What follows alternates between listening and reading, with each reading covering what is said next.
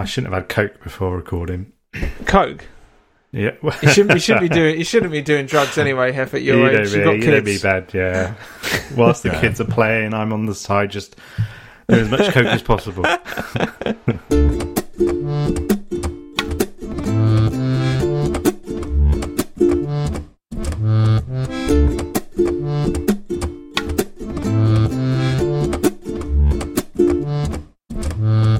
Hi, I'm Chris.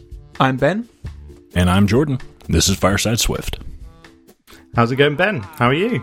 Yeah, good. Thank you. Um, so I'm. I'm a. F- I don't know. Uh, last time we recorded, do you remember where I was at with my with my job? Had I had I started? Yeah, you'd started. i maybe I'd Uh, had oh. done two days. Maybe. I can't remember exactly. I think you were talking about because you just received the laptop. Oh, okay. Um, but actually, and, and you were getting kind of I was kind just of set up with onboarding.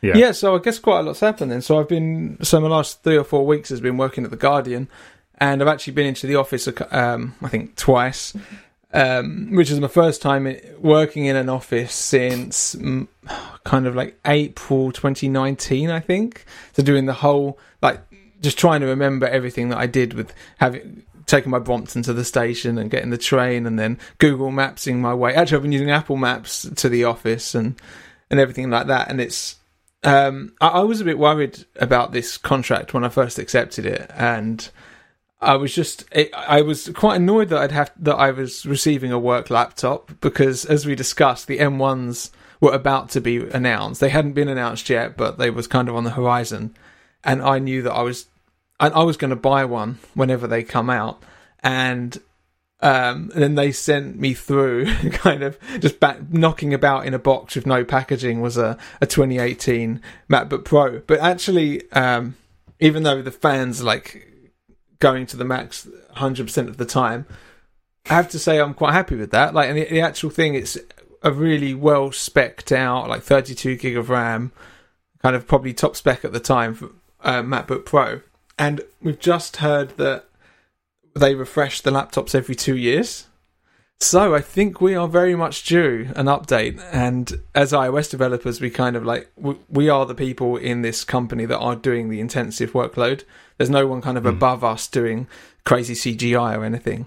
So Mhm. we're very much we can push for the better laptops, and that's what we're that's what we're trying to do now.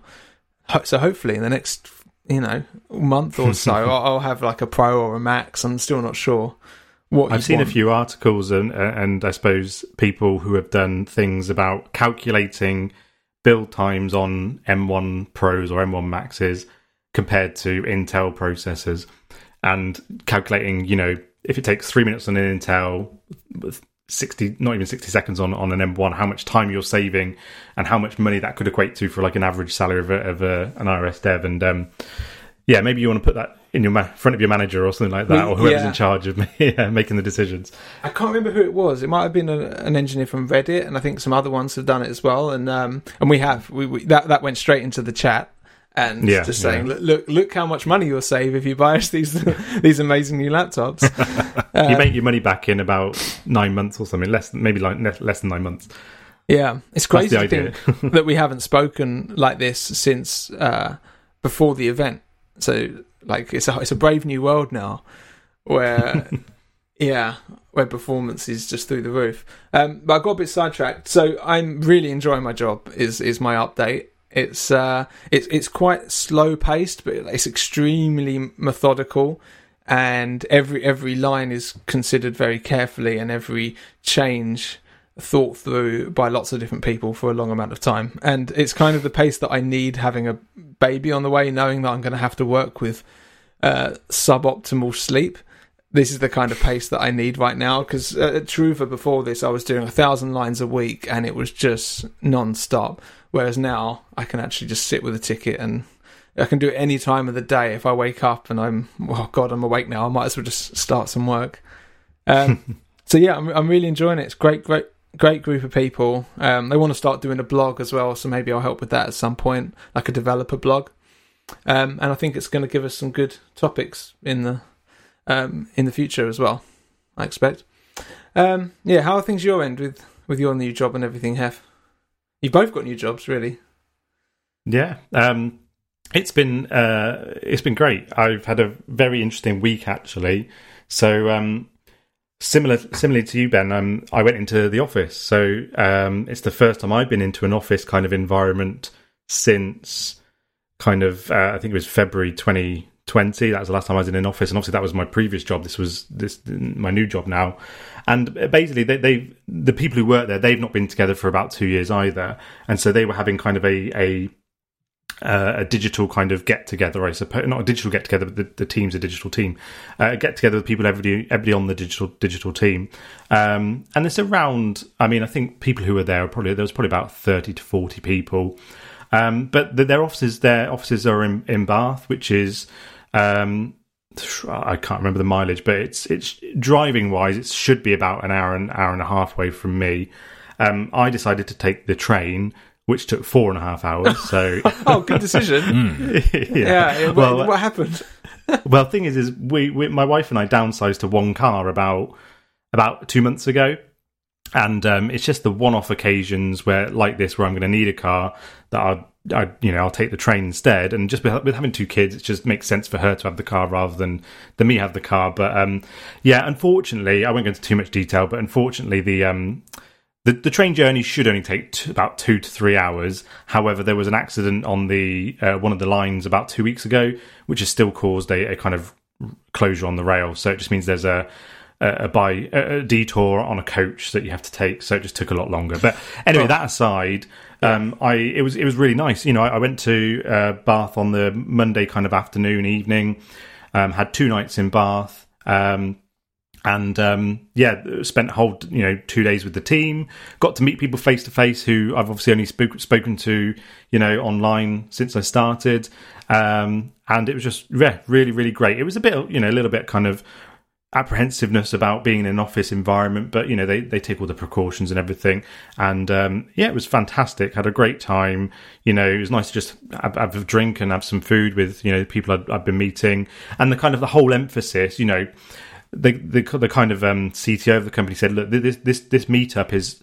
Don't worry if you don't get any work done whatsoever. It's the emphasis is on meeting each other, talking to one another, going out for a drink, going out for a walk, and just meeting and, and just building those relationships. So um, yeah, it was um, it was fantastic. I had a really great time. Um, and yeah, just the whole job in general has been going really well. I've done, I'd say, about four or five pull requests now, and um, been kind of slowly working through some of the the the, uh, the basic kind of tickets, you know, the small bugs and things like that. Implemented a few kind of UI changes and things. Um, but no, it's been really kind of rewarding. And actually, I'm pretty sure the latest version on the App Store of, my, of the app that we work on will now have will now have some mm. of hmm. my code in there. So um, I think they released that last week at some point. Um, not last, yeah, it would have been last week. Yeah. Um, so that's that's kind that's of great. cool to know. Your first yeah, like live production yeah. code. no one, will, yeah. I mean, no one other than me will really even notice, wouldn't even know it. Uh, I doubt it's something the user would probably really notice either. But you know, it's all small steps, and and um, yeah, it's been going really well. Um, so yeah, it's I can't, you know, been really happy with the job and everything. Yeah. Oh, that's so good. About, that's, that's great to hear. How about you, Jordan? Have you been getting on? You've uh, you started a new job recently as well, didn't you? I've missed you guys. it's been a while. yeah, it's been a while. Um, yeah, and I've and I know I the last uh, I was going to say a couple weeks, but the last couple episodes, which so I guess what six weeks ago, eight weeks ago, I've been haven't been I've been a little incommunicado just because I've been so busy. But yes, I did recently start a a new job. Um, I left the uh, I left the IT job I was in. I was doing um, I had been doing IT for a it was a hotel management company. We did IT for um, a bunch of different hotels that the company owned. Well, yeah, I mean we weren't like a managed service provider. We worked for the company. We were just the IT department for a bunch of hotels. Um, but I opportunity came up a couple weeks ago, and now I am. I just finished my first week on the job, so I've done nothing but training. But I'm I got a a QA position with a uh, a local uh, wholesale company uh, for their e-commerce site. Nice. So your cool. your day to day is so. What are you learning in in this onboarding? You're learning about the company. You're actually learning QA practices. Um, so what's your curve looking like? right now, okay, so the first little bit, I mean, everyone, you have to do the, oh, here's what our company is about, and here's effective team communication, and don't do sexual harassment and that kind of stuff. You know, everyone has to go through those trainings. but Yeah. um, then I started toward the tail end of it.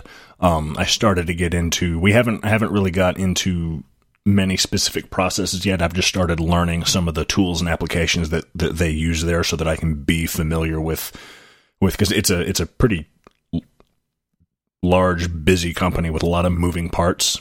So the idea is to you know get familiar with their processes and and learn how learn how all the different parts move, so that you know when I actually get to supporting, I can support them better.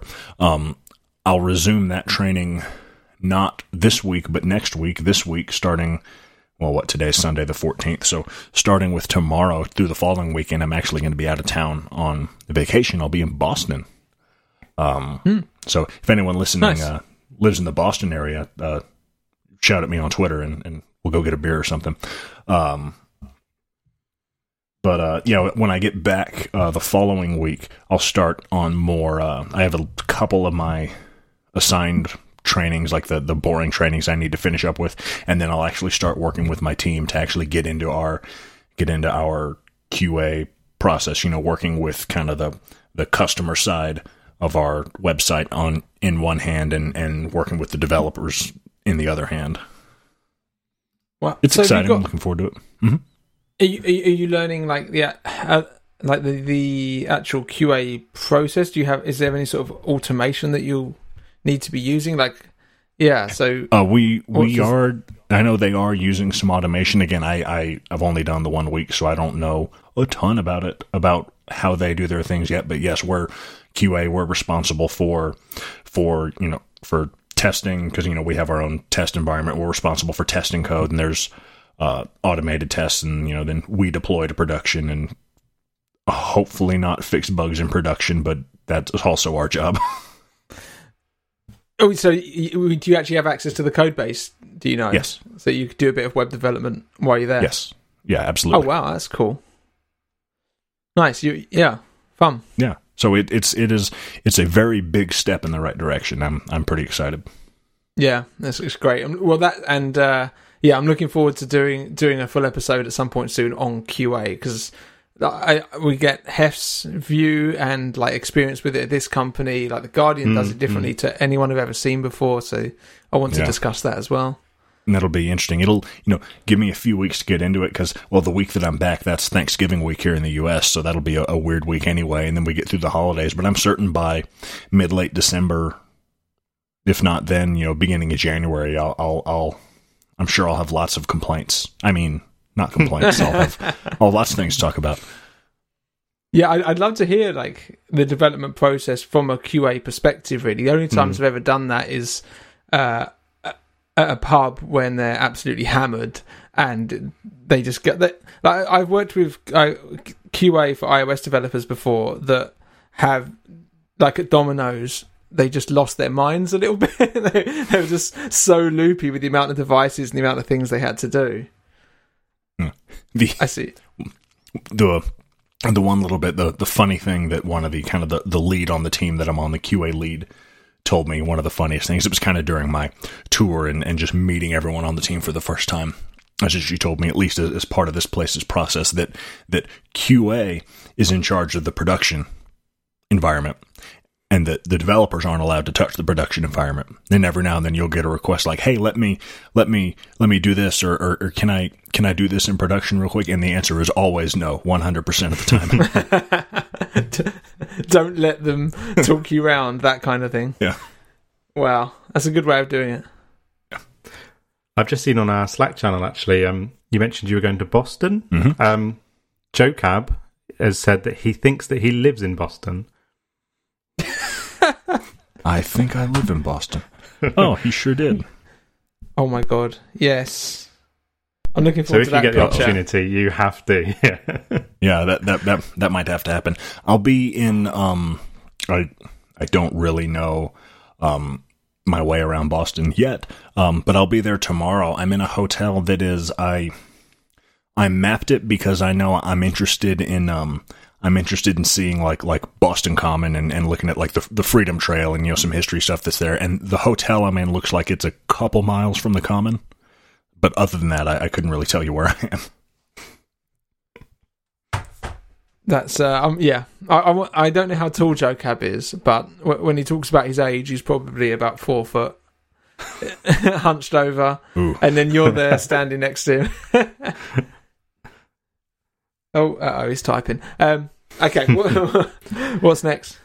Should we move on to follow up then? So um, I'll go. I'll go first. So the first bit of follow up we've got here is from Owen Brunette. Now, um, this was a comment that uh, we got on Slack. Um, so just a reminder, if anybody come join our Slack channel, can interact with us there as well.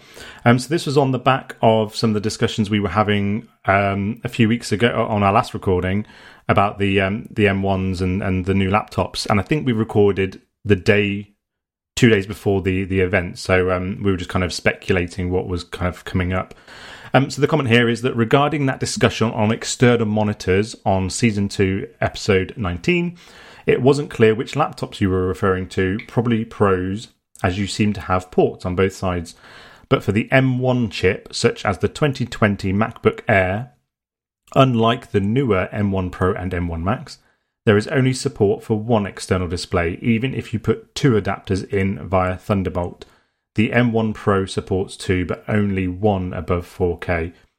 Um, so yeah, I think we just weren't 100% clear on exactly what laptops we were talking about because obviously there were other laptops that were uh, that had an M1 Pro, uh, sorry, M1 chip in at the time. Um, but as as Owen has said, the M the M1 2020 MacBook Air does not support two external monitors. I believe. I, I am Yeah, no, I can confirm because uh, I um, did we go. this, and uh, this is the this is the best thing for me about the change between these two sets of laptops because I did buy the M1 MacBook Pro, which is effectively the same support as the Air for monitors, and that I could only run. I think I could either run my 5K or my 4K ultrafine, but not both, and and I use them both in my day to day workflow. So I couldn't use them, and then this is the big deal. I can now with the M1 Pro, the M1 Mac Pro, I can use both monitors just as I currently do, and uh, the world is good again. And yeah, so I'm Mm. very excited about this. It's a good, it's, it's a, a needed change for me, and it's still strange that the the 13 only supports one external display, but it that's got has that been that must be getting discontinued now, like the old M1 Mac, because I would have thought that the 14 inch replaces the 13 inch, but they, They're still up not. for sale, I think. I think it's kind of like a lineup, isn't it? So if, you've got the Air, the 13, 14, and 16 inch. Um, but I don't know because obviously the the 14 inch still carries the Pro kind of title, doesn't doesn't it? So I don't know if they will decide to discontinue that and just have the 14 inch and the 16 inch. I think it have would make idea. sense. I think it would make Yeah, I sense do too. too, It's yeah. so much more powerful, and you've got you've got the Air, then you've got the the Pro, and then you've got then a 14 and a 16. The so two Pros, yeah. those three are good. Um, Yeah. yeah. cool. Thanks for that. Someone want to take the next piece? Um, yeah, I can do this. I'm going to go with uh, Johan Forsell. He's not in the chat now, is he? Um, listening to the latest Fireside Swift episode, as someone considering, oh yeah, I remember this message. As someone considering switching careers to iOS dev, it's very interesting hearing about uh, Hef's experience landing his first dev job. Thanks for a great pod, guys. Uh, and then tags us all. So, um, I mean, I'd rather be reading this off a five star review, to be perfectly honest. Um, but I haven't, I haven't checked them recently, so maybe he has left us one. But please go ahead and do that if you'd like. Yes, shameless. And Um, and while I've never heard to a I've never heard of a podcast being referred to as a pod before, Johan, you're welcome. so um, yeah, I, I th- this was the kind of this was the whole point of season two of Fireside Swift. It was we have we have Jordan and we have Hef and we've got this ability to communicate a whole journey and uh, it's good, it's good to hear that people are appreciating it and hearing about it and I think there's going to be lots of talks about both of your journeys over the like the, the next couple of years are going to be fascinating I think as you move throughout your careers. Yeah, and I think it's um, you know, getting the job was obviously a lot. It was a lot of work, but I think there's. I, I'm I'm overwhelmed every single day in a good way most of the time. Um, so I think it's just a case of I'm going to be learning so much over the next, like Ben said, over the next few years. Um, and I've learned so much. I keep saying this to, to, to my team that I'm working with. I, I, feel like I've learned so much in the space of six weeks um, compared to because I'm able to do it day day in and day out now. Whereas before, I was only kind of isolating it to when I had a bit of downtime or, or time off you know time off work or in the evenings after kids have gone to bed or whatever. Um, and so it's just so much more full on now. Um, but that's that's really good for my learning. So it's yeah there's going to be a lot of it, it's it's not just not now that I've got the job it's not a case of right I've got the job right that's it. There's so much more to kind of come I think. Um, and I think one thing I was going to mention when I when I saw this tweet as well um, if you've not read my blog on I suppose how I got that career change. I just recommend that. Um, not to kind of blow my own trumpet, but I think it was a good way of um, explaining the steps that I took that worked for me at least on um, career switching because it's such it's such a difficult thing, and I think um, if that can give anybody else other inspiration to kind of do that, then I think you know be well worth it. And also just to add to that, if anybody's got any questions to me or to anybody else on the podcast, just make sure you reach out because we're trying to, you know, it's kind of trying to build that community, isn't it? So yeah, yeah. I, I have to Thank say, you. I'm so relieved that everything is going well for you. like, I, I feel like uh, I, I, feel slightly responsible for you in, in a way. So if things were going, I, I, would feel really bad if things hadn't gone well. So I'm, I'm yeah, I'm so pleased that that it's all going responsible. Like you feel responsible for a child, or like you feel responsible for like a like a puppy. Probably like a puppy. Oh, I don't know which is better, a child or a puppy. Oh God, a puppy, hands down. True. I keep saying, yeah. My my plan is to get uh, a dog when I have about a four or five year old. I, I figured to, just to get them out of the house a bit more and to have someone no, that's, something to play with. That's good. It'll give them because the dog grows up fast enough. It'll give them someone to someone to play with and take some stress off of you. But they'll they'll be just old enough that when the dog dies, it won't be completely heart crushing. yeah, I like it. That's that's a good way of looking at it. Yeah. Um, I had a conversation with my son very similarly to that today. So, oh, yeah. oh boy, have you have you are you looking to get one? We've we've got a dog. I already have a dog. Oh. The dog was our was our first. Uh, he, he's um oh. he's nine years nine years old nine years old in May. So yeah, so we've got our dog's nine nine years old and our son's nearly six and daughter's two and a half. So they will be exper- yeah that will hit hard. Yeah, they will find out eventually. you need to get a new one. Stat. okay. um, anyway, Jordan, would you like the next one? Yeah, yeah, sure. I'll read it. All right. this is from uh, Faber Plus, or possibly Faber Plus. I don't know how to pronounce that. Something he says he had to share after hearing season 2, episode 19. There's a way to highlight text without force touch. After you tap and hold the spacebar to move the cursor where you want, keep holding your thumb down. Then, with your other thumb, tap anywhere on the keyboard and drag with the first thumb to highlight. Uh, wow. That sounds like witchcraft to me, but I will try it next time I'm highlighting text.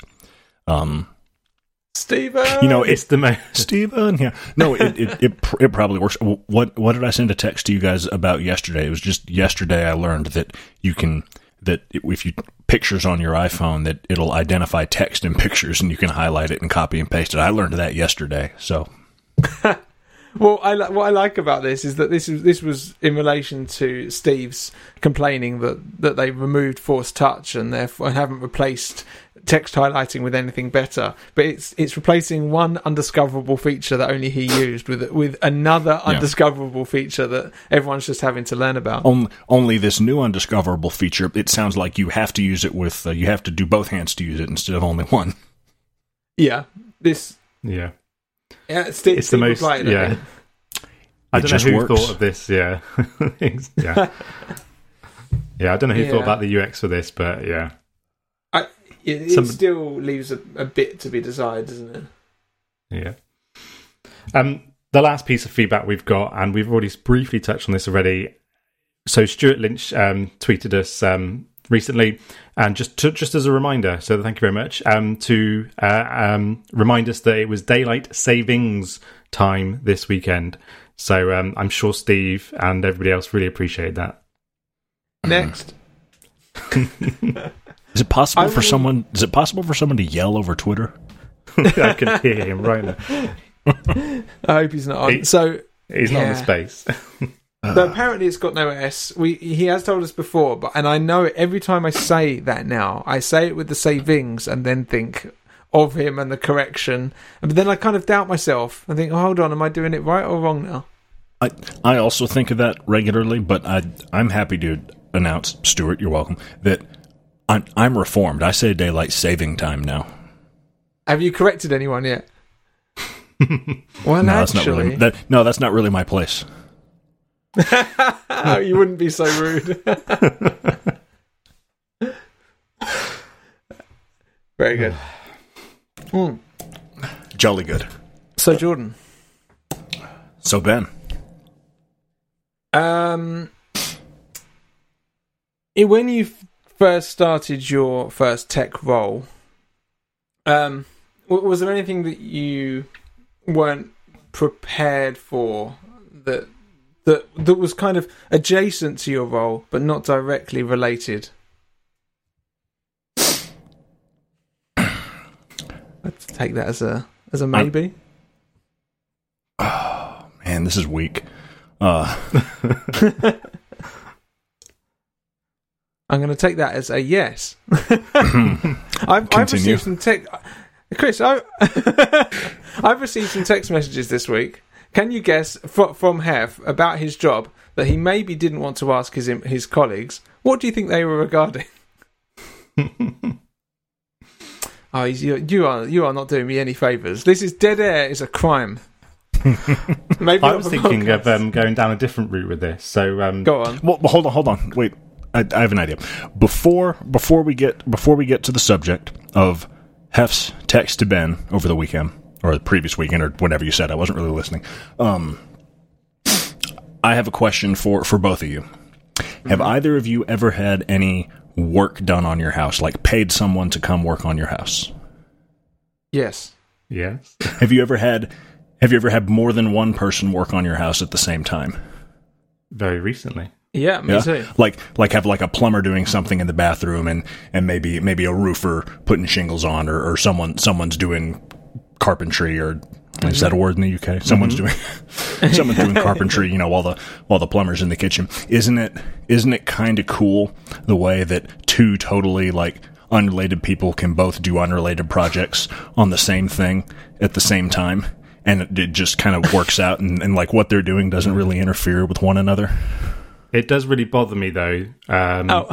when they're slightly older, and sometimes I don't know if That's this might be a bit this this this might be a little bit of a a UK slash US divide, but um, we we call sometimes we call them old gits here in the UK. I don't know if you have that terminology in the uh, the US at all. Uh, that's I've I've I think I I think I read it in a in a a, a book by J.K. Rowling, but no, we don't say that here. Ben, have you heard that saying before? I've heard that saying before. I uh, Yeah, So um, yeah, it, it, it is horrible when like when someone's working on something and then and then they realise that it overlaps with something else, and there's multiple people working at, on on the same house at the same time.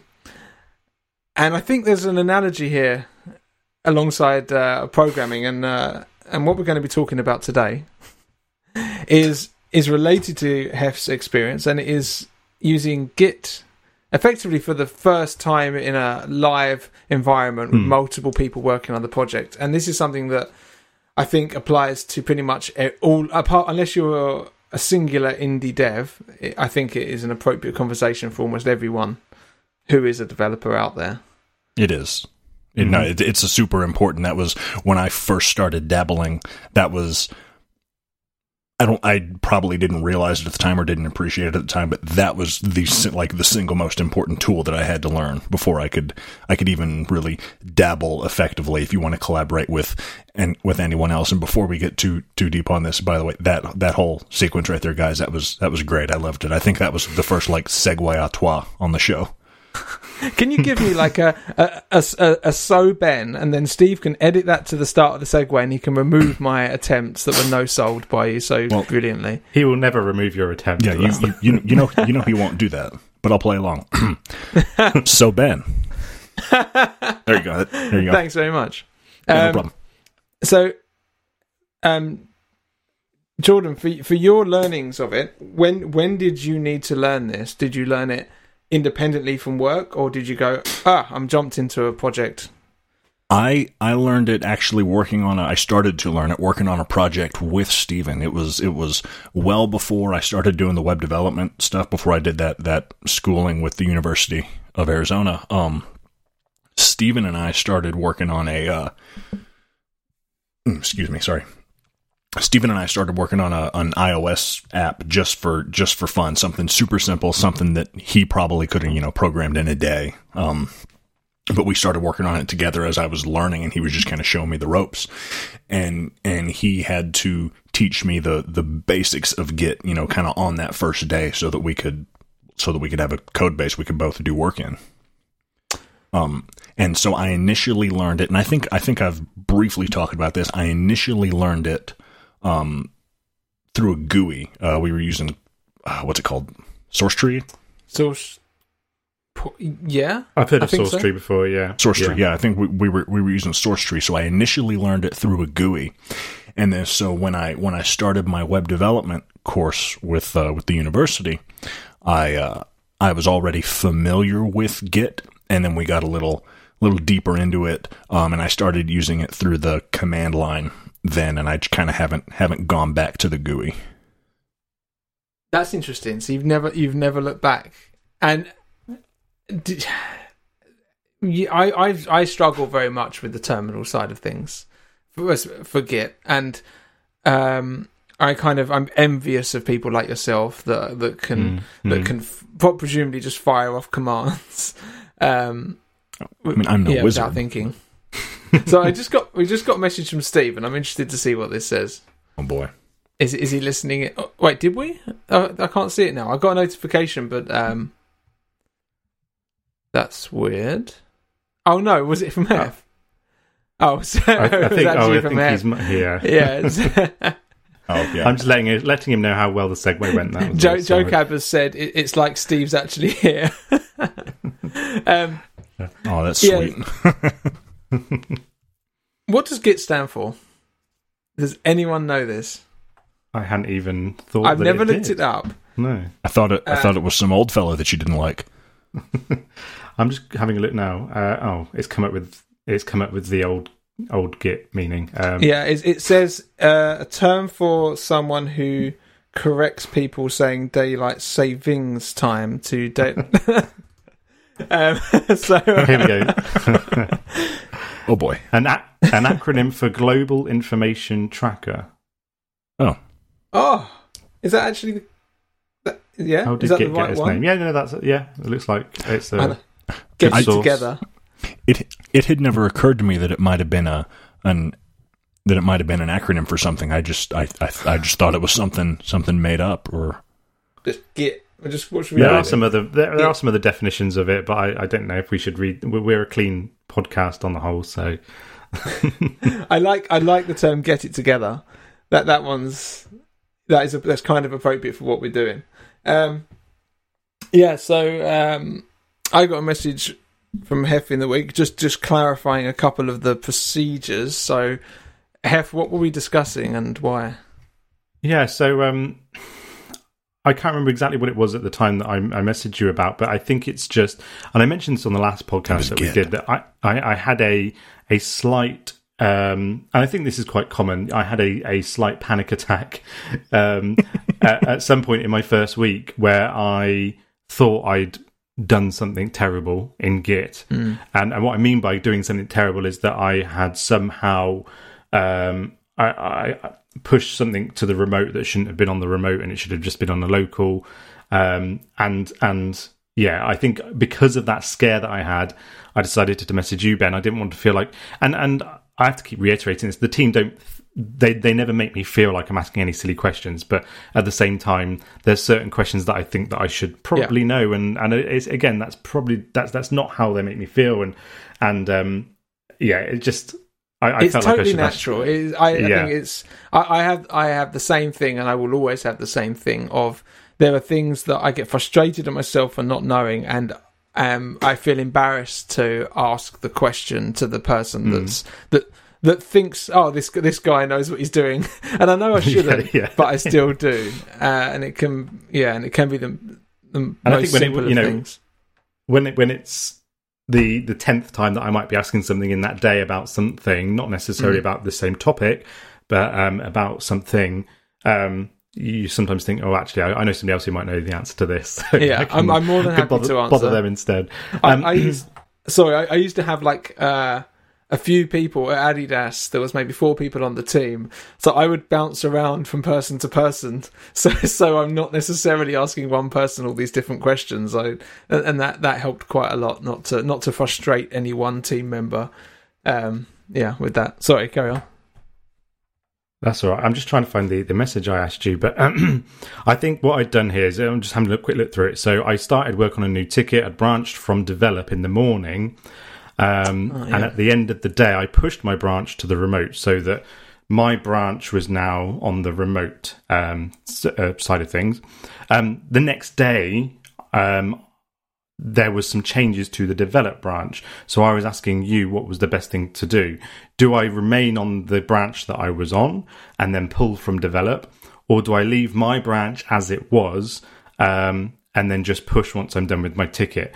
Um, coincidentally, I think I said in the message as well that the thing that I was working on had no impact on anything else anybody else was anything else anybody else anybody else was doing.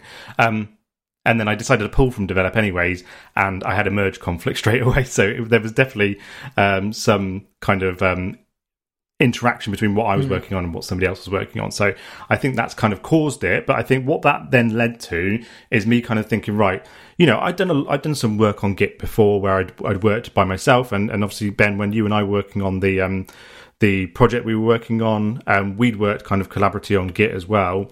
But I think it's just you know that's just one on one. However, now that it's a whole team, I say a whole team, you know, there's about six or seven other iOS devs making changes. It just feels a lot scarier. Um, and what that prompted me to do was to kind of think, right, I need to really get my, you know, get my head around everything, the terminology and and um, how it kind of operates here. And and I think you know there there are some basics that are quite similar to you know wherever you work. Um, and there's also some probably smaller things that aren't aren't you know are probably specific to different companies.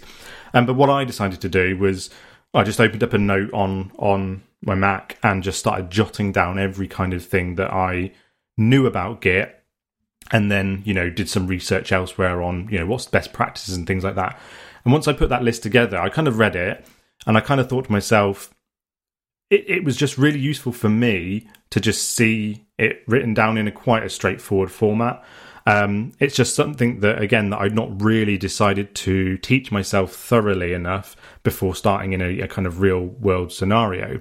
And I just decided to, I tweeted about it and um, just screenshotted the note that I put together and kind of bunged it on Twitter. And, and actually, I hope that it was quite useful to others as well because it was one of my most liked kind of tweets that I've had for quite some time. So um, that was quite nice. But I think it was just um, it was more of an exercise for me just to understand, uh, just to make sure I understood the terminology and the process. I mean, even now I'm talking about remote and talking about local, and although that sounds very kind of simple to to me now. I say simple, but I understand the, the terminology. I'm very conscious that as a you know a new new person getting into this into this industry um, or any industry of you know surrounding kind of programming or any anywhere any other industry that uses this kind of tool, that might be quite a um, you know alien kind of concept.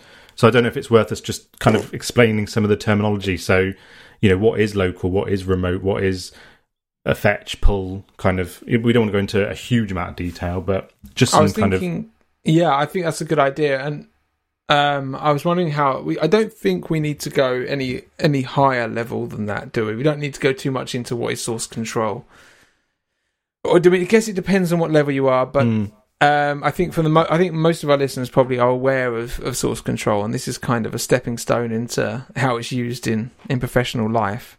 So, what have you Mhm. got into? Well, also by the way, I pulled up your note um, which is actually super useful, where you've got it broken down into starting a new ticket while working on a ticket and continuing a ticket the next day, which I think is just a really clever way to do it. And then all the commands that you may Hmm. run into, yeah. And and then there was a bunch of comments on that t- on that on that tweet that were all super.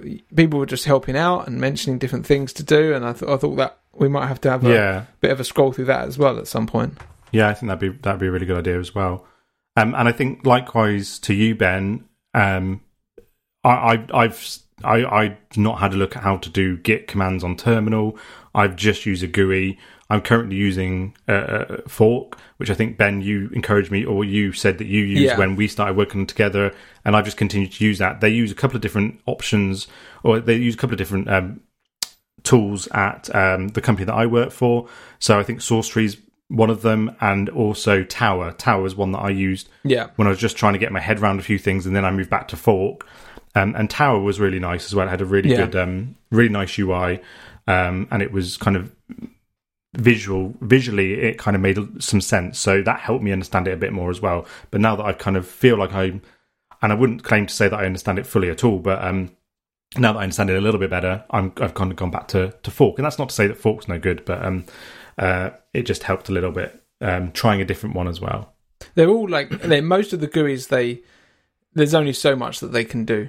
You know, there's there's they have to have an, a nice way of seeing a diff. And I, I just for Fork, I just like how sim like simple it is. Really, once you know what you're doing in terms of what commands you need, it's very simple to pull those up. And the double clicking always does exactly what you want. If you want to double click on a line to stage it or unstage it, and just it, it's just nice and clean, and that, that's Mm. that's why I like it. And I know it's made by a small couple, like like a husband and wife team, and it's just yeah, it feels homely when I'm on Fork. So I bought Oh, the that's premium.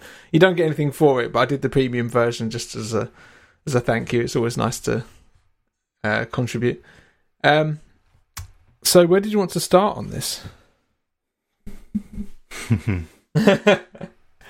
Well, I think I think local and uh, um, remote kind of repository feels like a good place because I think when I was thinking about it is kind of basic, but I think it's a good kind of uh, thing to understand. What's the difference between what's local and what's remote?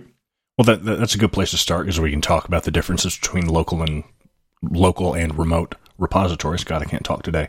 And from you know from there, that'll kind of swing us naturally into uh into you know uh, pull requests and and whatnot, and then we can probably finish up with merge conflicts because by the time we get finished talking about merge conflicts, everyone will be angry and won't want to record anymore. I, I I mean, I I mean, Hef, I guess you haven't run into too many merge conf- conflicts yet. I've had a couple, but nothing significant. Only kind of like like a handful of lines, which have been very easy to kind of understand what's kind of happened um, with them. But I That's- can understand already how if you've get if you've got a big file with That is- multiple merge conflicts, it's going to be a nightmare.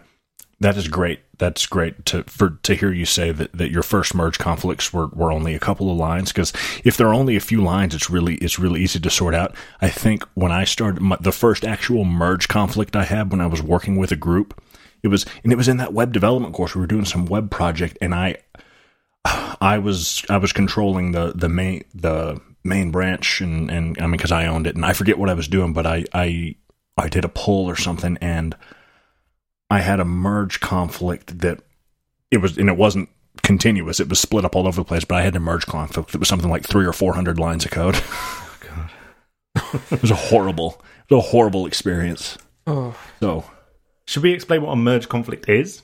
We're talking about it now, so I don't know if we want to start well, let, let's let, let let's let's start. Let's kick off with. uh Yeah, we guess we got we got a little ahead of ourselves there. Kick off with a local and remote, and we'll we'll get to it. So, um, the way that I kind of understand it, so um, remote. So you you always start with the remote in terms of, of the remote repository is your repository of of the project or whatever you're working on. And what you would tend to do is whenever you start working on an, a, you know, you've just started and you've just about to start on new project, you would you would um, clone that repository and um, bring that into your local um, um, I don't know what the word is, but repository, I guess. Repository, yeah. um, and what I mean by remote and local is local is on device. So when I've um, the local rep- is a copy of the remote repository, which is a shared space somewhere online, whether that be GitHub or another kind of, you know, I think it's Gitbucket and, and other, other services. Um, it's a copy of that on your local device, whether that be your MacBook or any other device that you're using, and it is an exact copy at that time that you clone it. Yeah. And and to be clear, when we're talking about the, the, the remote repository, that is you know that's that's in some sort of online form. Again, be it be it GitHub or, or whatever else, we're talking about that as the the the the entirety of the code base for whatever it is that you're working on. So you know if we if we had some hypothetical Fireside Swift app that we were working on, and we mm-hmm. had our repo on on GitHub, then the the remote is that code that lives up there in GitHub that is that is the entirety of whatever our app is, and then your local would be you making a local copy. Uh, an exact copy of whatever's up there on your machine so that as you're doing work you're doing work in code that is on your machine and not not our code that's up in the cloud And, And this is where people get tripped up. yeah It, it, it's this understanding, isn't it? Sorry, carry on. No, no, that's fine. And I think usually, I think the reason I thought this was a good place to start at least was whenever I've used any sort of you know tool, whether you know be the ones we've talked about, Tower, Git, or uh, Fork, or whatever that would be. Um, it's usually split up. You've usually got a remote section of your repositories, um, and and you've oh sorry, you've got a remote of your repo with the different branches from your remote, and then you've got a cop a local section, which again is your own local branches um, from that repository that you've got cloned onto your device. It's easy for you to say. it's, it gets so complicated when you get into in, You into the weeds on it.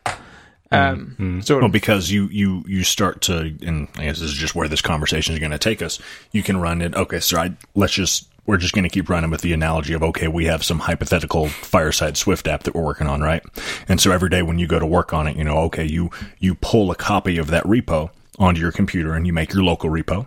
And then so all the changes that you make and everything that you do, it's in your local repository. And part of the reason behind that is that if you were to break something, your computer crashes, you delete all your code or whatever, the the app, our actual code base up in the cloud is fine. It doesn't matter. Oh, you just lost the work that you did that day or whatever. And then so in the evening when you're done working, you you you push your code back up to the repo and all the changes that you made get made in our get made in the remote repo. And then well that's that's the that's the super simple version of it. But but where Git starts to get really well powerful for an organization, powerful for a project, and where it also starts to get more complicated is is the fact that that in this app that we're working on in the morning when you get up to work on your code, you can you can pull a copy of the repo down, and then Ben can also pull a copy of the repo down. And I can pull one too, and Steven can pull one too, and so can Joe Cab and Stewart and Brevin and whoever else is working on it and we can all make changes. We can make changes in different places. We can make changes on the same files, and then at the end of the day, we all push the same. Co- we all push our own copies of the code back up to that back up to the to the remote repo, and all those different changes that have been made by different people all have to get reconciled and turned back into one one con, one sensible code base, and that, that's that's where it gets a little more complicated. And I think that's where I, from, in my experience, that's where most of the issues lie. And again, it's not issues with the technology because the technology works fine. It's just issues with with human understanding and, and human error. Ben, you So- have anything? What what you're describing seems to be that everyone's pushing into the same into the same branch. Is that is that right? Yeah, I'm I'm I was yeah, I was being simple about it, but yeah. Oh, okay. Because I was thinking, well, that's yeah, that that's where chaos begins. But it's also a good Yeah. starting point to say that's probably where things Why we did have start. branches. Yeah, and there, so yeah, you just work on your own little branch that you know is compiling, and you can make whatever changes you need to it. And he- I think it's interesting to go by kind of he- revolve around Hef's question of when is a good time to actually go ahead and like and, and merge in with the current master or the current develop branch. Um, how often do you need to do that? And I think that's an inter- that that is that doesn't have a clear answer and also how often do you commit? Also, I don't think has a clear answer, but I think that that's also worth discussing. Mm. Um, Well, how, how often you commit or how often do you push? Because those have those have those have very different answers. Um, for me, at least, how often do I push is like when I'm either if I'm about to take a long break or if I've really done or if I've done something significant, like I've f- finished a feature or something like that. That's a good time Yeah. to push. As far as how often do I commit, just like all the damn time, constantly. just just co- so often. And I, I think one thing that'd be worth doing is explaining what do we even mean by doing a commit? What do we even mean? Yeah. Okay, Okay. yeah, that's Um, That's a good Because I, you know, I, I'm used to hearing this te- terminology now, um, but I'm still part of me thinking. Six weeks ago, I'd be thinking a little bit. I'd be a little bit more confused about certain things. So um, the way that I see a commit, at least, is um, so you've got a copy of, of of the remote repo on your local device. So you're working on a local copy. Um, you might want to. We've talked about branching. You might want to create a branch of something. Uh, maybe it's a bug fix that you're working on. And what the branch does is it, it will. You've you've got the copy of the the remote um, repo, like I said, and then you just want to a create like a. It's hard to say it without using the word branch, but you want to kind of have a copy of that that's you're going to work on a, a new thing, whether that be a bug or a feature or something, and then that way it's kind of a discardable branch. If, if if something goes wrong, you're not touching anything that's already kind of in the the main repo, whether that be develop or um, master, whatever it is it is called. Um, it's just a safe place that you can pretty much do whatever you can, whatever you want. And I think one thing that is it's, it's I- another degree of separation from from the the production code base. Absolutely, and I think one thing that I've been reinforced over the last couple of weeks that I've been start, since I started my new job is it's a safe place. It's it's not you, you're not going to cause any problems in a local, um, you know, branch or anything like that. You could do whatever you want today. It's it's a safe place as long as you then don't push that. But then if you push that to the remote, somebody's going to should be checking it anyways. However, let's go back to the commit. So. Um, you're on your local branch, you've made some changes, um, and you just want to almost save those changes to make sure that if anything did happen, that you know your your, computer, your laptop died and, and was unrecoverable in whatever way, that you've not lost what you've done. And the commit is a kind of running comment commentary of what changes you've made. And what it does is when when you commit something and you're working on a local branch, it only commits it to the local branch that you're working on. It doesn't go any further than that until you then decide you're happy with whatever it is. Say, like Jordan, you said you've completed the feature that you're working on, and then you want to push that. And when we, um, as we've said already, when you push something, you're pushing it back to the remote repository to say, this is the work that I've done. I would like somebody to review it. Usually, I mean that's kind of getting onto the pull request, but we'll probably talk about that too. Um, and the commits will all all the commits that you've done in your local repository will all be there as a running kind of commentary, so that somebody can review your work and see what changes you've made. Hopefully, with good Yeah. with good descriptions and things. I I think of the and, and I think it's important. Let's talk about the commit a little more. I I, I think of for for anyone who plays, uh, anyone in the audience, any listener who plays video games, I, which I'm assuming there's a lot of. I think of a commit as being kind of like a save game, right? Because w- while I'm sitting here, while, while I'm sitting here, you know, typing code, I'm, I'm I'm editing code. I can hit I can hit Command S all the time, and I do. You know, I get up to go to the bathroom or get a cup of coffee, and I hit Command S and save the file that I am working on right now but until I have committed those changes that I've made in the file, all that new code I've written, they're not actually even part of my local repo yet. Uh, if I were to, if I were to get rid of my local repo and and well, if I were to delete those files and and you know get it back from my repo, all those changes I made wouldn't be there, even though I had I had saved it. So the the commit is what tells Git, and when I say Git, I'm talking about the Git application, the Git software that is on your machine. It it, it tells Git, and, and my understanding here is a, a little fuzzy, so I, I'll I'll probably get it at least kind of wrong. It tells Git like, hey, I have made change, I have made changes to to to the code base here look at these changes, you know, make a make a record of what changes that I've made, and I'm going to type some comment. I, it, you uh, most cases, I think have to type a comment. You can type a comment describing what you did, but you're telling Git, hey, I've made a change to the code base. Keep a record of what these changes are, and then, you know, update, update whatever your, your freshest copy of the code is with the changes that I've made. And that's really important because if I've made changes and I've made a commit and it turns out somewhere down the line that, oh, some changes that I've made have, have caused a bug in the application, you, you can, I can back up to a previous commit to undo the changes that I made at that point. That's it. I, yeah, I think this this all makes sense, and I'm realizing recently how much I need to change my workflow when it comes to committing because it's it's suboptimal. Um, I I personally don't commit very often at all, but I stash relatively often, or at least mm-hmm. I use stashes instead of commits. And I don't like to, usually I finish some piece of work, so I go through the whole process of working, and then I just make I might have, let's say, I've changed 10 files. I'll click mm-hmm. on, I, I, won't just commit the whole thing. I will say, this file has this commit message, this file has this commit message, and I'll just select the exact lines I want. And it's a bit laborious, but it does the job. And that way, the only thing that goes into the commit history um, is these beautiful, this is done, this is done, this is done. However, I, I realize that that this is I don't think this is the best practice. I, I feel like there are ways to, for instance, squash uh, commits and things like this that I just don't do that I should be doing. So yeah. you end up putting the whole work into a single commit message.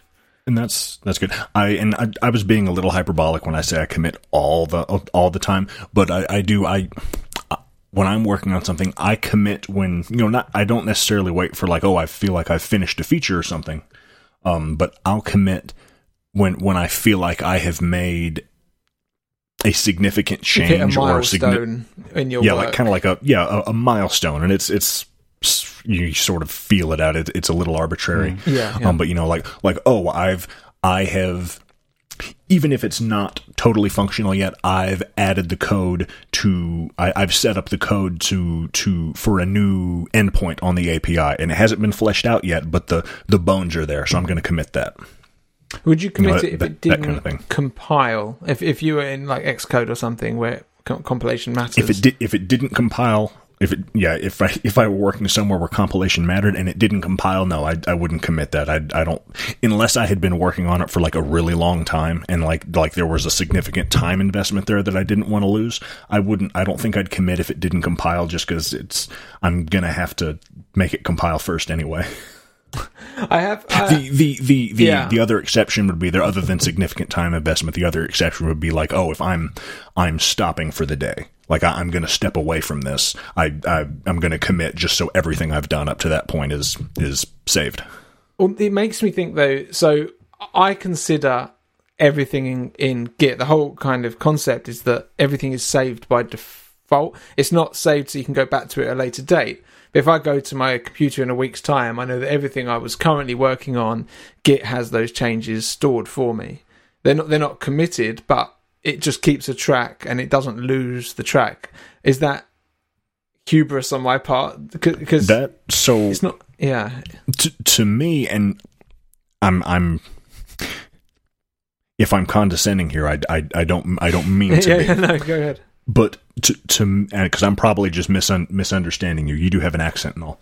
Uh, to me, it, it it sounds like if particularly if okay if you had said what you just said to me and you were an inexperienced developer, I I would tell I would say to that to an inexperienced developer, someone who is not familiar with the Git, that they were confusing saving the files on their computer with committing and saving to the Git repo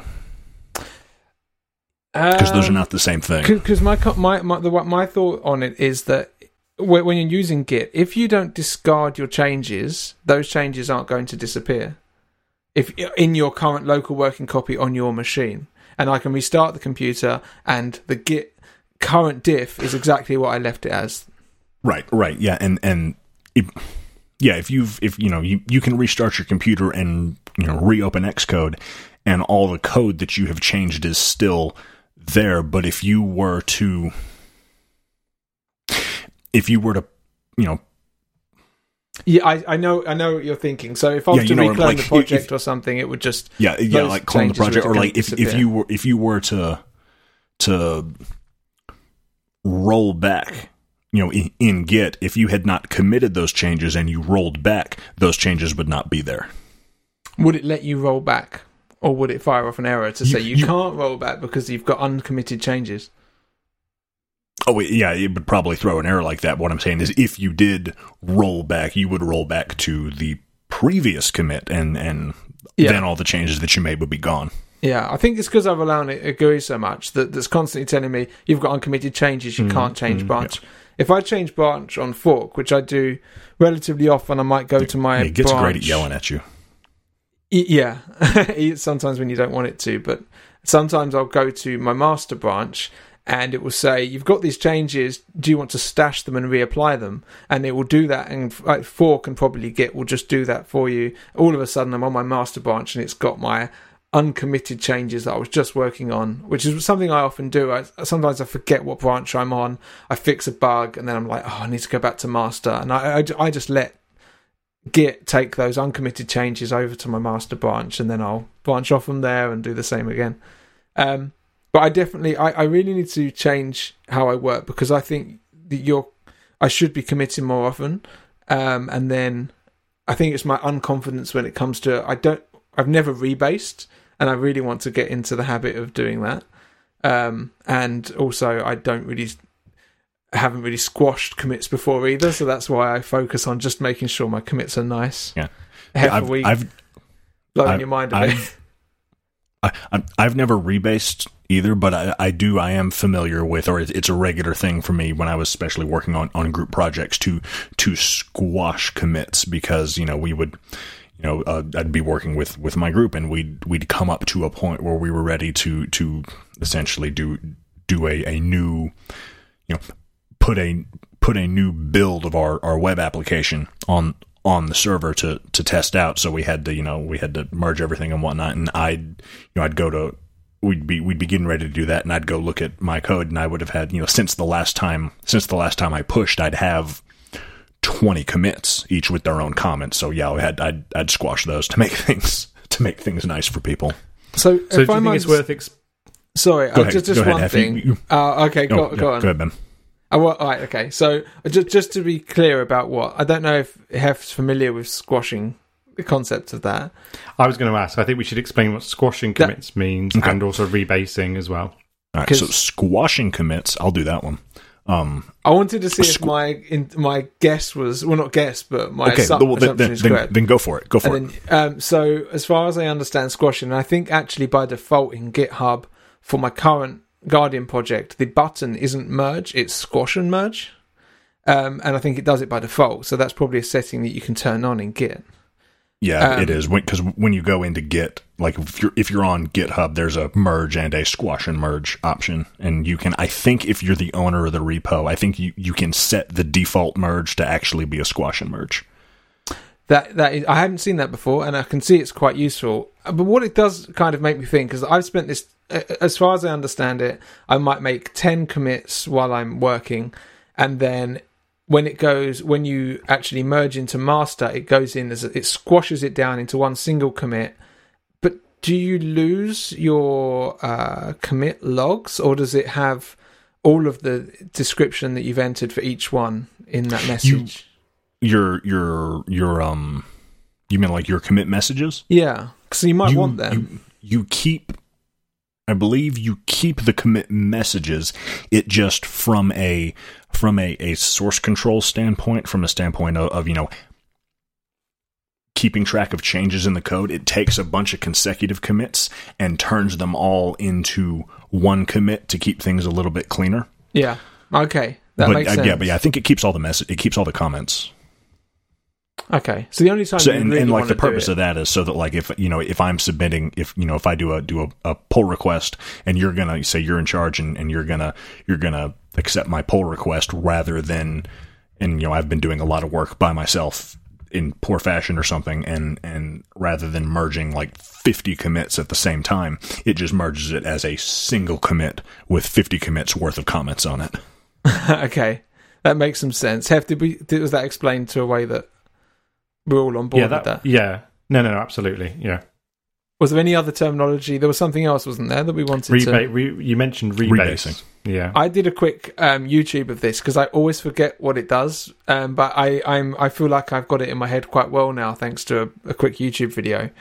Um, so the idea behind rebasing is that if you I don't know if you've got on your source control when you click on your main branch on the right hand side it has all of the commits and it has the lines uh, all the colorful lines to say all of these different things. So with with Adidas there were so many lines that it was the full width of the screen.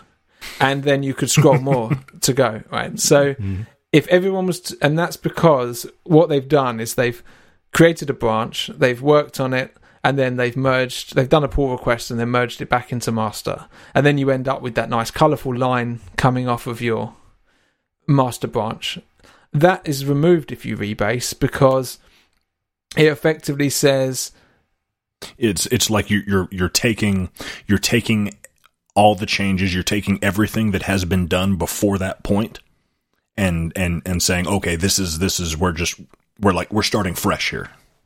It's it's kind of like as if you're you're working on it for the first time again, right? Yeah, I'm I'm actually kind of losing my my trail of thought with it as I'm going.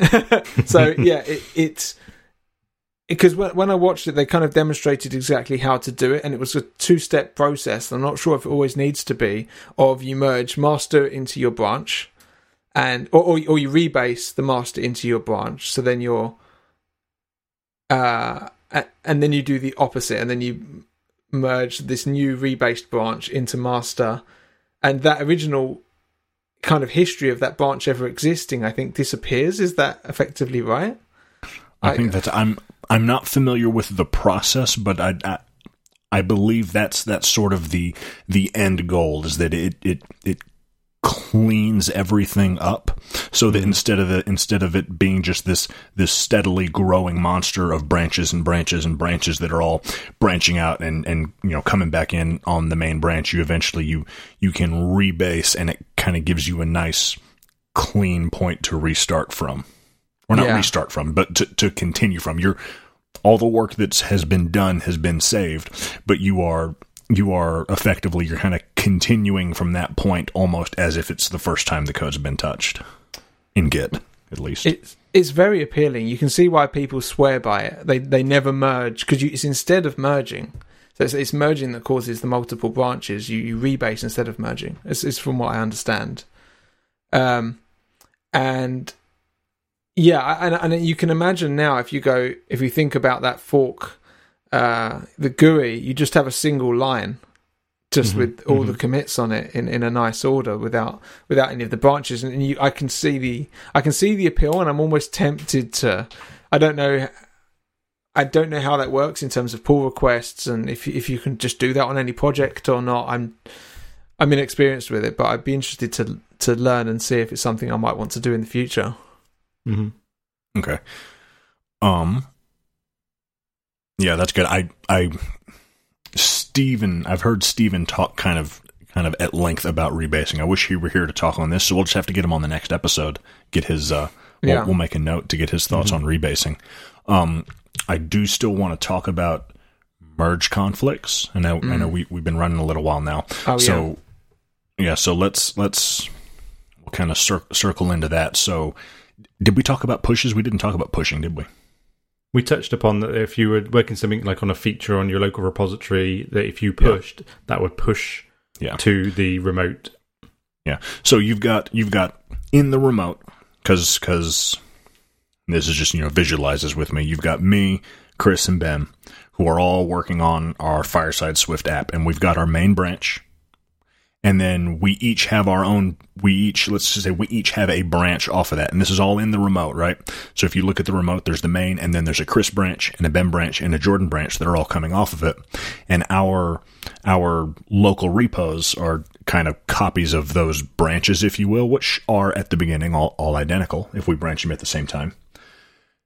And then so every time, you know, we commit, we're, we're kind of saving our progress locally. And then after a feature, you know, we're, we're pushing and that's pushing, that's just saving our code back, our c- code. Wow, that's saving our code back to the uh, back to the remote, just so that like, oh, if if my computer crashes, you know, you guys still have access to the code because it's back up there in the remote. That's kind of an important thing. So pushing pushing is taking all the changes that I've made to my local repo and putting them back in my branch in the remote repo so that the code is the code exists somewhere other than my hard drive. And there's a philosophy where that should happen quite often, and that you should do Yeah. it pretty much every time you commit because you, you you don't want to have to write that code again. Your computer could just switch off at any moment, and you lose all your data. Yeah, exactly. Because you know the the having a bunch of commits can save us from from errors. Like if I've programmed a bug into something, we can back up through my commits until we don't have that bug anymore, and that's fine. But but if I haven't pushed that code to the remote and my hard drive dies and the data is irrecoverable, it, it's gone. It doesn't matter how many times I committed, the data's gone.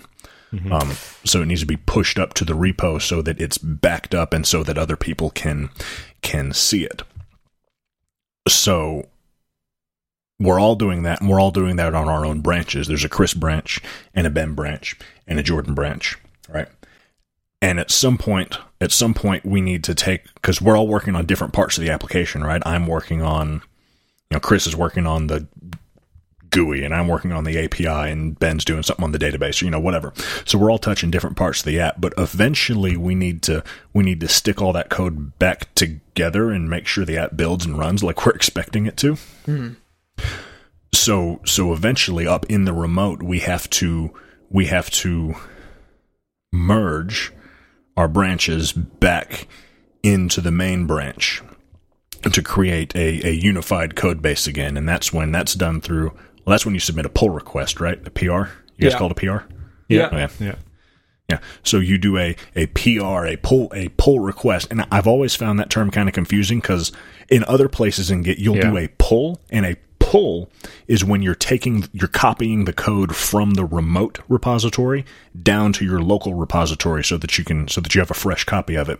But then a pull request, they really should have named it different. A pull mm-hmm. request is you are trying to merge your branch back into the main branch.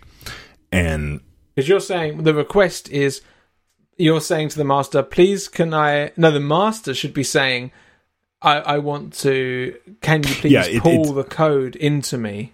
And that's yeah, a, exactly. That's that's probably where that terminology comes from. I find it a little confusing. a push request would have been like I think that makes more Yeah. sense because I'm saying I want to push made more my sense stuff. Yeah, into your yeah. branch. I'm really glad But- you covered that because I, I likewise was confused by that terminology for some time. Yeah. And I think uh, an an important part of, of pull request, I think, is is that word request because usually, this is my understanding, usually you you don't get to just like if you say, okay, well, I'm going to merge my branch back, I'm going to merge my branch back into the main branch. It doesn't just just happen because you're you're changing the code base at this point. and while it's not irreversible if you do something wrong it is inconvenient so when you do a when you submit a pull request to try to merge your branch back into the main or the master um, usually someone else has to look at it and approve it mm-hmm. sometimes i think a team of someone else's has to look at it and approve it and make sure that make sure that everything looks okay to them and then if everyone approves it then the code gets merged back into the back into main At our company, we have to have two people approve a pull request. Nice. Yeah, I think that that's becoming pretty standard, and I think p- two people will always pick up on different things as well. I had un unfortunately in one of my my biggest group project I worked on at the uh, during that class at the university we there were some differences among among people among people in the group and and we had to implement a policy where where I had to approve the pull request. Hey, just me. It's just me. Because so and so couldn't because so and so couldn't be trusted. Uh, that way there's no conflicts if it's just if it just goes through Jordan.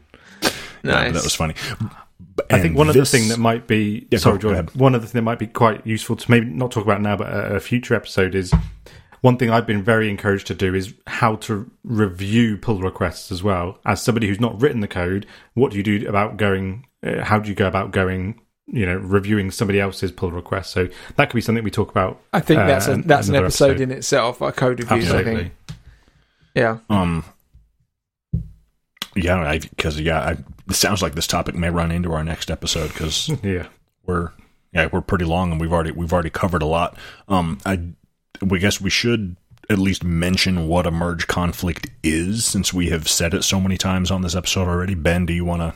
Because it sounds like you've had to deal with them too. Do you want to? I yeah, I mean, um, so it's relatively self-explanatory, but, but but perhaps not. Maybe because I've been doing it for a while. So I've done some changes, and I create a and and I want to make sure. Th- well, actually, this is an important point that's kind of a bit adjacent. When you create your pull request, you want to already have merged in uh, develop or master, whichever you guys use as your base branch, into your um, into your feature branch locally. Make sure get it all working, make sure it's building, and then you push your branch up, and then you make the pull request. So the first thing you do when you finished a bit of work, that's the process you go through.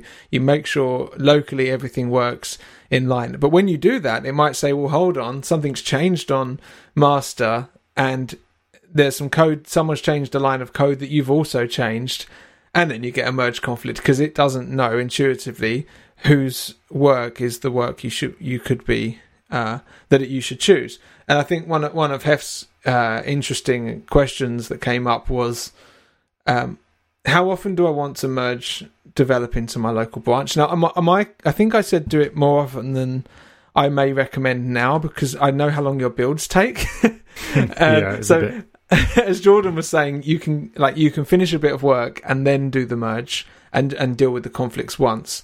Or you could do another school of thought and do it more often. So every morning or something, or anytime you notice a big uh, amount of changes in the diff, you could then merge in. Um, I, I would say if it's if you're having to clean build and everything every time you do it, then and it's taking five or 10, 15 minutes to build, then maybe don't do it as often because you're going to actually save yourself time um, in the long run if you just do it less often. Just do it when your work's finished. Um, so yeah, at the point in which you try and merge your feature work with with master, you could get some conflicts, and Git will tell you about this. And there's multiple ways, as we discussed on a previous episode, actually. So you can go go back and listen to that if someone hasn't uh, isn't aware of what we're talking about. But there's multiple ways to actually deal with these merge conflicts. I use something called FileMerge. I think it comes with Xcode, just in the. I don't know if it comes with the tools or if it just comes with the main bundle, but it launches any source control will refer to your Xcode preferences where you'll have this uh, software selected, and it will just give you the diff.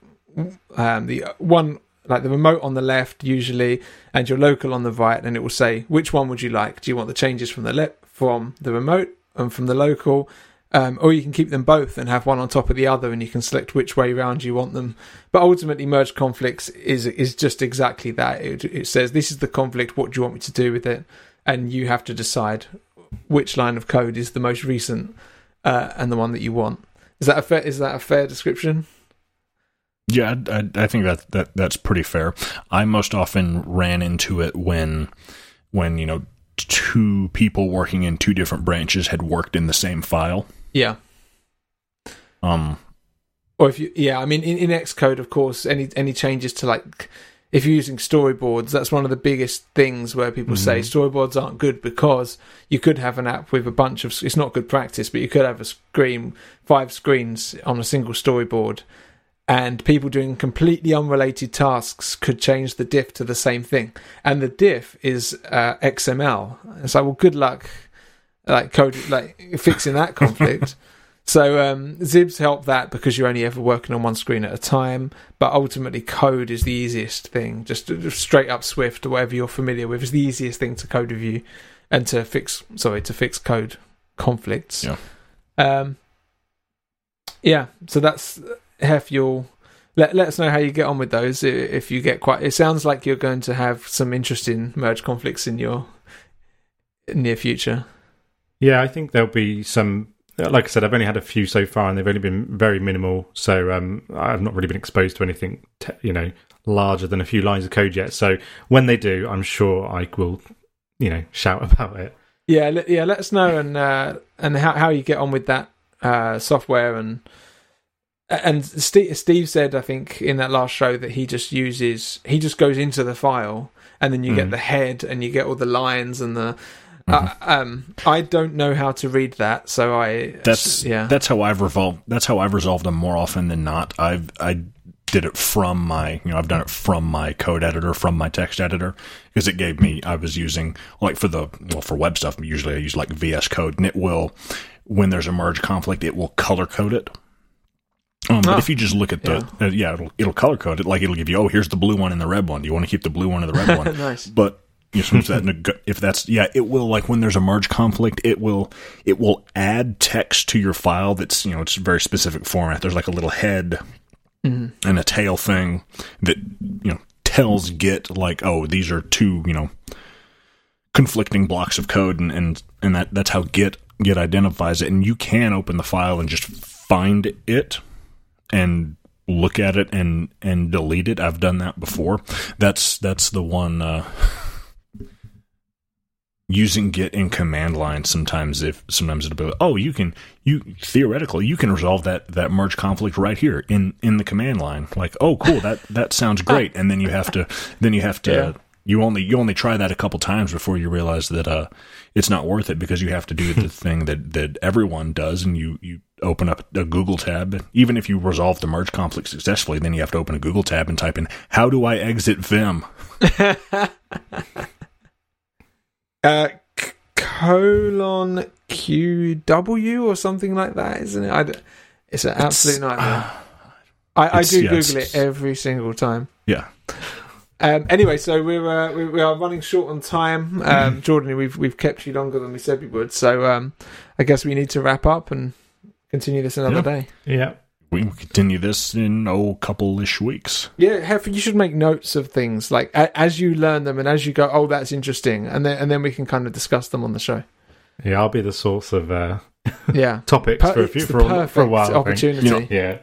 I'm I, I'll I I will do the same as I start to uh, learn QA things. I I will make notes of things I think will be interesting or at least funny to talk about. Yeah, there's Brilliant. a lot there. There's there's so much unknown for me in, in that side of things. So I'm really interested to learn about all of that. All right, Um, Um, yeah. very good. So moving on, so shout outs. There's there are zero shout outs this week. So um, oh, good section there. Excellent. I was just saying that. So Johan, I- if you want to leave a review, Ah. that'd be very much appreciated. So um, and everyone in feel the chat free and everyone to in do the that. spaces. Yeah. and anybody else, absolutely, yeah.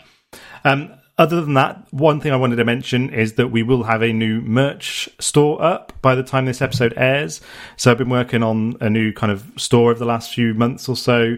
Um, our previous one, Teespring, will be discontinued. We just had some slight issues with the provider, so just just moved uh, to a new provider, and I've added some new merch on there as well. Wait, so can I still get my Sozak mug?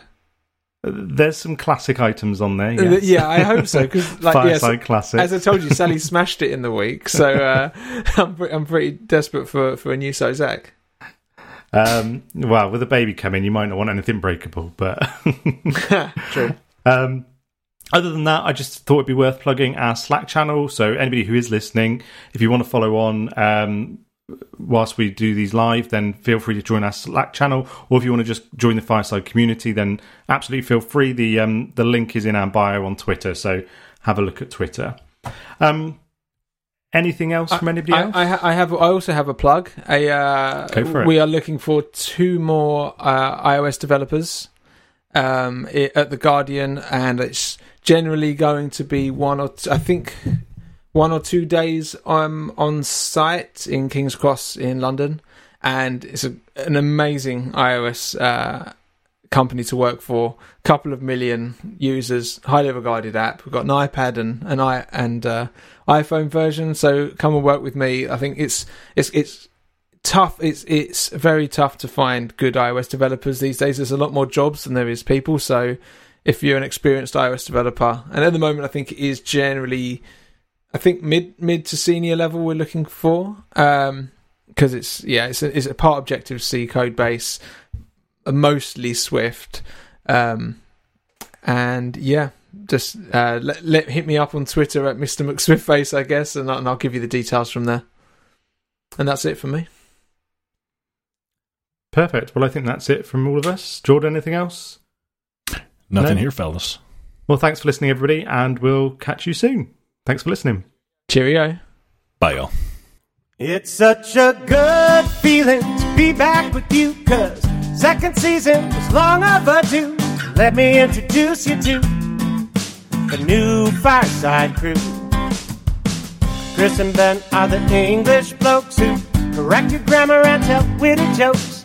Jordan is the baritone. Steve's the one you already know. Zach left to spend time with the shorties. So raise a glass or tip your 40s, giving props for the last three years and for helping out so many peers.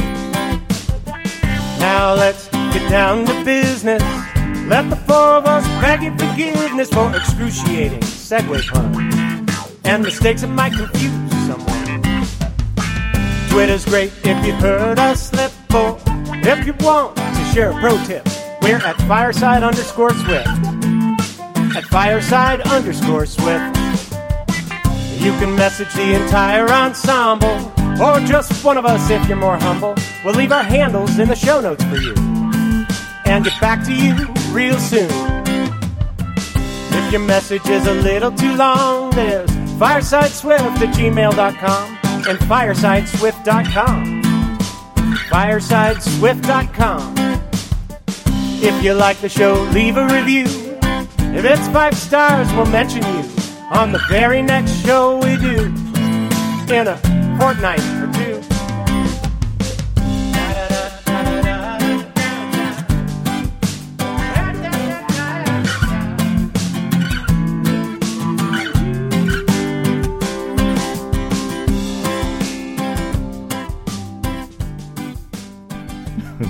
Ben was about That seemed- three seconds later than. It seemed terrible, but Can we, what, No, should we'll we do? with it. Uh, I was going to say we do one more, but then I felt like I was on time uh, for me. all right, well then you probably were. It's you probably just have slow internet or something. Yeah, that's no, yeah, no surprise. Could be the daylight savings time. I've still and I'm saying yeah, savings time every single time now. yeah, because he Just to said annoy Stewart. Yeah, is it Stewart? Oh, I thought it was Joe Cab. Yeah, it's just okay. That's good to know. No, it was it was it was uh who corrected us on that? It wasn't Joe Cab, it was uh Yeah, Stewart. Stewart, wasn't it? Yeah, yeah, yeah. Oh, it was yeah, Stewart. Stewart okay. corrected us on that. And he even reminded us on Twitter uh, a week or so ago because I think in the US you have yours a week after us, and I think um, yeah, he reminded he reminded us on Twitter as well. I don't know how they decide when ours is, but it seems like it's you. It's always on a Sunday, you know, a Sunday night that, or Sunday morning rather. But it, it seems like it's usually either the the last Sunday in October or the first Sunday in November. I don't know how they decide actually when it is. And Ben, did, Ben, Ben, this year, did you enjoy I- your um, extra hour in bed? Well, I, d- I didn't even know until I think I mentioned that I'd had a good sleep or something, and then Sally had said, "Oh, it's, it's changed," and that was it. All, all my devices update automatically. So, how about Well, I'm specifically asking because it is the last time you'll be able to enjoy an extra hour in bed Ah, when, when you have daylight thanks. saving time. yeah, I it, it just that. throws everything out the window when you've got kids. It's yeah, you have to try and gradually build them back up to that extra hour somehow, like delaying their bedtime the night before. It never really works out. They get up a bit earlier. They seem to know. Yeah, Like I've just got dogs, and it was it was an adjustment. We- Yeah. I'm- I didn't I didn't realize that night before, or even even you know waking up that morning that the the time had changed until our little one of our little dogs was just barking at me in bed, and and I couldn't figure out why he was being such a little turd. And I looked at the clock. I was like, man, I was like, it's six o'clock. Like you've you still got another hour till you like the earliest that you've ever had breakfast, and and oh, oh no, he he thinks it's seven because the sun says it's seven. You know. Yeah, the uh, m- my sister has um, she's got a couple of kids, and they have a, they have a light in their uh, in their bed, and I think it, I think it's like a moon at night, and they're not allowed out of the bedroom until it turns into a until, until it turns Yeah, into a sun. And and my and they stayed at my sister's house, and I think she set it wrong. And it got to like nine or ten in the morning, and then she just hears like, "Can I come out now?" they're, they're super well behaved. Uh, So um, yeah, that that's quite cool. But but Sally is is fit to burst now. Um, she's eight eight months and something. She's due on the twenty fifth of November. Um, and she can already she Man, that's around the corner. yeah she she said just now she was like oh I'm waddling. And I was like you know shrug. So so what? And she goes well that means that the baby's kind of moved into a position that's forcing her to walk differently. Um so it's on its way. I've, I've bought her a uh, a push present right? And we didn't know this. I didn't I'd never heard of this before but you know I, I'm not Sounds weird, but yeah. Not. I, I, I refrain from putting stereotypes on some women that, that just want presents for just everything. Uh, any opportunity to get get a present bought for them, um, and she certainly uh, likes to do that. So she's like, oh. Uh, she just kind of mentioned in passing about this concept of a push present, and it's quite obvious what it is. It's w- when, when she's pushing, or, or like at the time that she's in labour, you just present her, oh, here's a bottle of champagne or something like this, and just say, What during? uh, Well, I, I yeah, I, I don't know Is, the is exact. it is it timing. wrapped up or? I mean, uh, uh, yeah. Let's just that's a hope good it's not like. I hadn't thought about that. Let's hope it's not supposed to be like one present per contraction because that could get expensive. okay. She'd be faking Well, may- them for, for for weeks leading up. Maybe you could do like multiple layers of wrapping, kind of like pass the parcel. yeah, yeah. Let, let's let, let's give her a puzzle to figure out Yeah. during the middle of that. Yeah, she's go- she's going to need no extra reasons to be annoyed at me on that day. I Give her think. something challenging to do, you know, just in case she's bored. yeah. Um, yeah, so uh, that's happening, and we did we uh, we've done our antenatal course, like like it was the six weeks thing that teaches you how to give birth and how like kind of what to expect and, then the basics of looking after a baby. And um, and we all have a WhatsApp group now, just me and all the dads, so we can kind of vent to each other about about the uh, about our wonderful wives. And um, yeah, and they, they we all kind of started talking about this, and he, one of the guys said, "I just asked someone in my office about it, and he bought his wife a Rolex." and we were like, "Right, we're not don't we were just like, don't tell any of the women this." no. like, right, that's that's the first thing. So you're getting remember. Sally a, ro- a Rolex, yeah? Yeah, yeah. I'm so like we are lucky she doesn't listen to this. have, have you have you started telling dad jokes yet? Oh, many years ago, yeah. They're, they're my they're the best. Oh, okay. That- that's I- my I- only. I have a, f- I have a friend here. He has a kid who's like three or four years old now, but he he swears that he knew his wife was pregnant before she knew because one day out of the blue he just started dropping dad jokes left and right, and said, "Hold on, something's up." That's great. Yeah, I mean, I, I must have had people pregnant for many years then. In that case, um, so Never mind. There's the cold open. um, yeah, what was I going to say? So I have I have bought one, and I I bought I bought quite an expensive bottle of bottle of ports that we've been kind of pining over for years. So I think that's going to be what I'm going to. I haven't decided when I'm going to give it to her though. Um, the bottle of port because. Uh, I yeah I don't know I don't know when the appropriate time is to do it. It might just be like, come on, you're doing really well. Here's this amazing thing I've bought you. If you get through this quicker, we can drink it quicker. Uh, yeah, I don't know. Um, I did get to watch. I think I mentioned it on the last show. I did get to watch a, a natural cesarean uh, video. Yeah, And- you said. It was incredible. Like we absolutely like we we we were both kind of tearing up a bit watching it because it was so amazing just watching this baby kind of crawl out and then just handed and it's screaming like mad.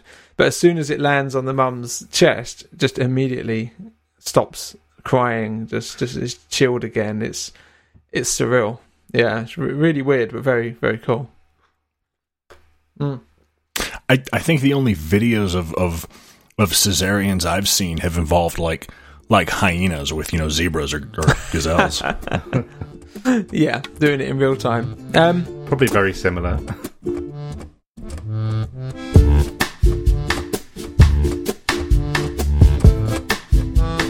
Ding. That's for that's for Mr. Mc- McSwiftface. Hey, boy.